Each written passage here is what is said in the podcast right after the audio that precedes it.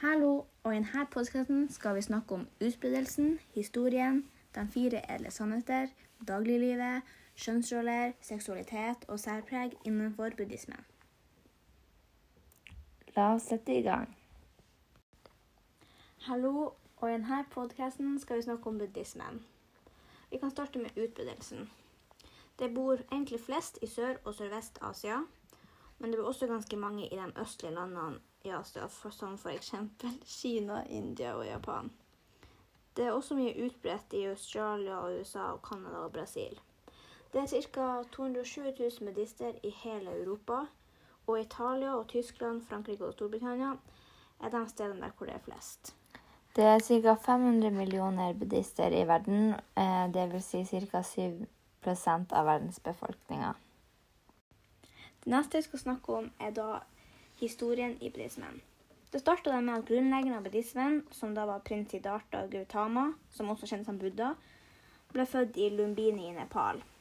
Han levde kun et liv i luksus fordi han var sønn av en rik adelsmann. Så han vokste opp, ble gift og fikk mange barn.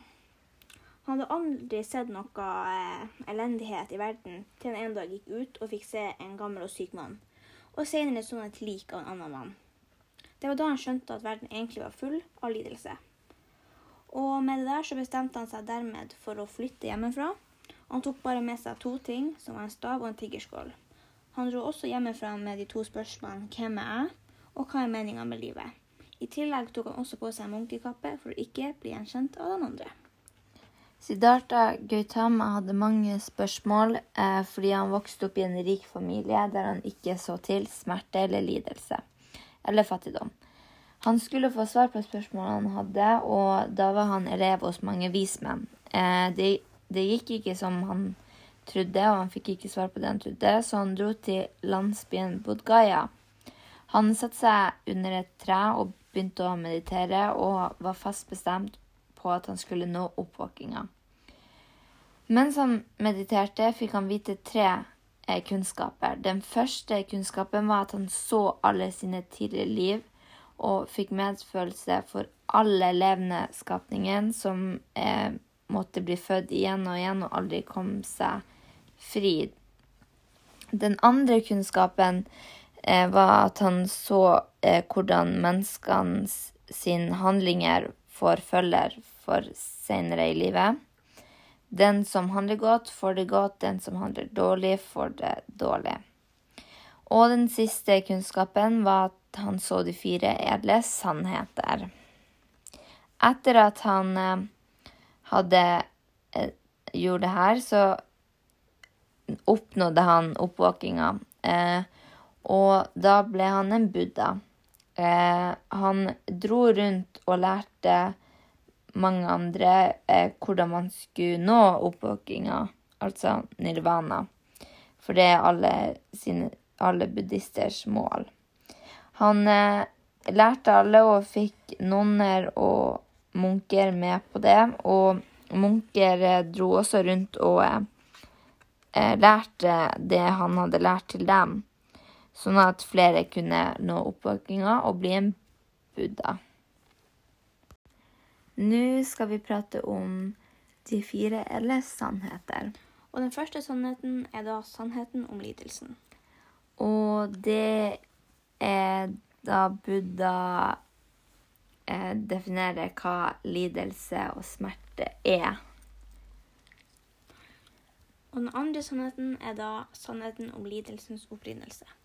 Det er årsaken til smerte og lidelse i verden, og hvor den kommer fra. Den tredje er da sannheten om lidelsens opphør. Og det definerer Buddha at det er bare midlertidig, at det går an å bli kvitt lidelse og smerte. Og den siste er da sannheten om veien til lidelsens opphør. Det er den åttedelte vei, og da må man komme seg gjennom åtte steg. Og da når man nirvana, og alle, alle buddhister vil nå nirvana. Det neste vi skal snakke om, er da dagliglivet som en buddhist. Og vi kan da starte med å si at eh, det fins ikke noen faste rutiner for at du liksom skal sitte og be. Du kan gjøre det når det passer deg. Men de fleste bruker vel å gjøre puja om morgenen og kvelden. Og det vil da si at de sitter og eh, øver og resiterer på vers og tekster som de har lært utenat. For å da minnes Buddhas kvaliteter, og for å holde den der viktige kunnskapen. Eh, de kan òg be eh, om dagen, og da sitter de og ber foran bilde av, bilder av Buddha med lys og kanskje sånn lukter, eh, men det har ikke noen betydning at det er bilde av Buddha, for de ber ikke for en gud, og Buddha er ikke en gud. Han var bare et vanlig menneske som oppnådde nirvana. Så det er ganske mange buddhaer i verden fordi de har oppnådd nirvana. Um, de ber for seg sjøl og at de skal ha det bra, og kanskje de ønsker å, at det skal skje noe i livet. og ja, De ber for å ha det bra med seg sjøl og oppnå det de ønsker, som er nirvana. Det neste vi skal snakke om, er da kjønnsroller i buddhismen. Alle mennesker og den som vil, kan komme til nirvana. Men først da buddhismen oppstod, så var det kun et samfunn med mange dominerende menn. Det er derfor det ble så mange store forskjeller mellom kjønnene. Og alle disiplene til Buddha ble pekt ut av han sjøl. Men fem år etter oppvåkningen så spurte noen kvinner om ikke de kunne få lov til å bli nonner. For det hadde de lyst til. Buddha sa da strengt nei, og det var ikke før en nær venn av han igjen spurte om jeg kunne få lov til å bli nonne på nytt, at han først fikk lov. Det blir ikke sett som en fordel å være kvinne, men det blir heller ikke sett eh, på som ulempe, fordi menn og kvinner blir sett på som omtrent like. Men likevel så blir det sett eh, på som straff å bli født som kvinne, fordi at eh, de tror at de har gjort noe dårlig i sitt tidligere liv, og derfor blir de født som kvinne, fordi at kvinner får mensen, de må føde barn, og ja. Eh, derfor blir det sett som straff, og de som er kvinner, tror de har hatt en straff, eller får en straff. Eh, og i tillegg så kan eh, en nonne være En kvinne kan bli nonne én gang. Så de kan bli det, og så gå ut, og da kan de aldri bli det igjen. Men gutter, eller menn, de kan bli munker syv ganger. Så de kan eh, gå inn og bli munk og gå ut syv ganger. Så det er litt forskjell mellom menn og kvinner på hvordan de blir sett på. Det neste vi i dag skal snakke om, er da seksualitet i buddhismen. Og jeg må si at jeg ble egentlig ganske så sjokka når jeg så liksom hvor liksom frie de var, og hvor milde reglene var rundt da seksualitet i forhold til f.eks. For andre religioner som islam. Um, for det første så er det ikke hellig ekteskap i buddhismen. Og det er heller ikke noe forbud som sier at du ikke får lov til å onanere for nonner og munker. Um, det er ikke standpunkt for sex og homsesex. Så um, kvinner og menn kan ha sex, og det blir ikke noe straff eller sett på som dårlig, med mindre med munker og nonner. Fordi munker og nonner kan ikke ha eh, sex, men de kan, som Emilie sa, onanere. Eh, men de er veldig imot eh, sex og overgrep som er voldtekt, tvang. Ja, det syns de ikke er noe greit. Nei, det liker de ikke. Det siste vi skal prate om, er forskjellen på buddhismen i forhold til andre religioner. Og Vi kan da snakke om det første med seksualitet. F.eks. da at um, det er ganske som sagt milde regler. Ja, veldig og, milde regler. Ja, Og du kan, i den religionen så kan du liksom ha sex for nytelse.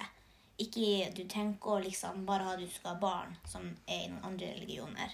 Ja, og noen eh, blir jo straffa med døden, og det er skikkelig strengt hvis man har eh, sex utenfor ekteskap i andre religioner, men buddhismen er ikke så streng. På det. Men de er veldig strenge på De liker ikke det hele tatt f.eks. voldtekt og Og vold og diverse. Ja, egentlig vold mot andre. Ja. Det tolererer de ikke i det hele tatt. Og en annen ting som er annerledes med en religion, er at de ikke ber eller tror på noe gud. Eh, Nei, de tror ikke på noe spesifikk gud. Nei, fordi at Buddha er bare et um, Eller den opprinnelige Buddha eh, er jo bare et menneske, og det finnes jo mange Buddha der ute. Man ber på en måte til seg sjøl for å få et bedre liv, og ikke for at du ber til, til Buddha for at han skal gjøre ditt liv bra. Ja, du ber bare for deg sjøl for at du kan Ja. komme opp til nirvana. Kanskje man kan ønske seg at man i morgen skal få en skikkelig bra dag. Sånne ting man kan ønske seg eller be om Ja. i buddhismen. Så det her var da vår podkast. Tusen takk for at du hørte på. Håper dere lærer veldig mye om buddhismen. Nå har vi pratet om utbredelsen, historien, fire sannhetene, dagliglivet, kjønnsrollene, seksualitet og særpreg. Jeg syns at buddhismen var en ganske fri religion, eh, med mindre man blir munk eller nonne, fordi da har man ganske mange regler å forholde seg til. Men hvis man ikke blir det, så er det ganske fritt, eh, syns jeg.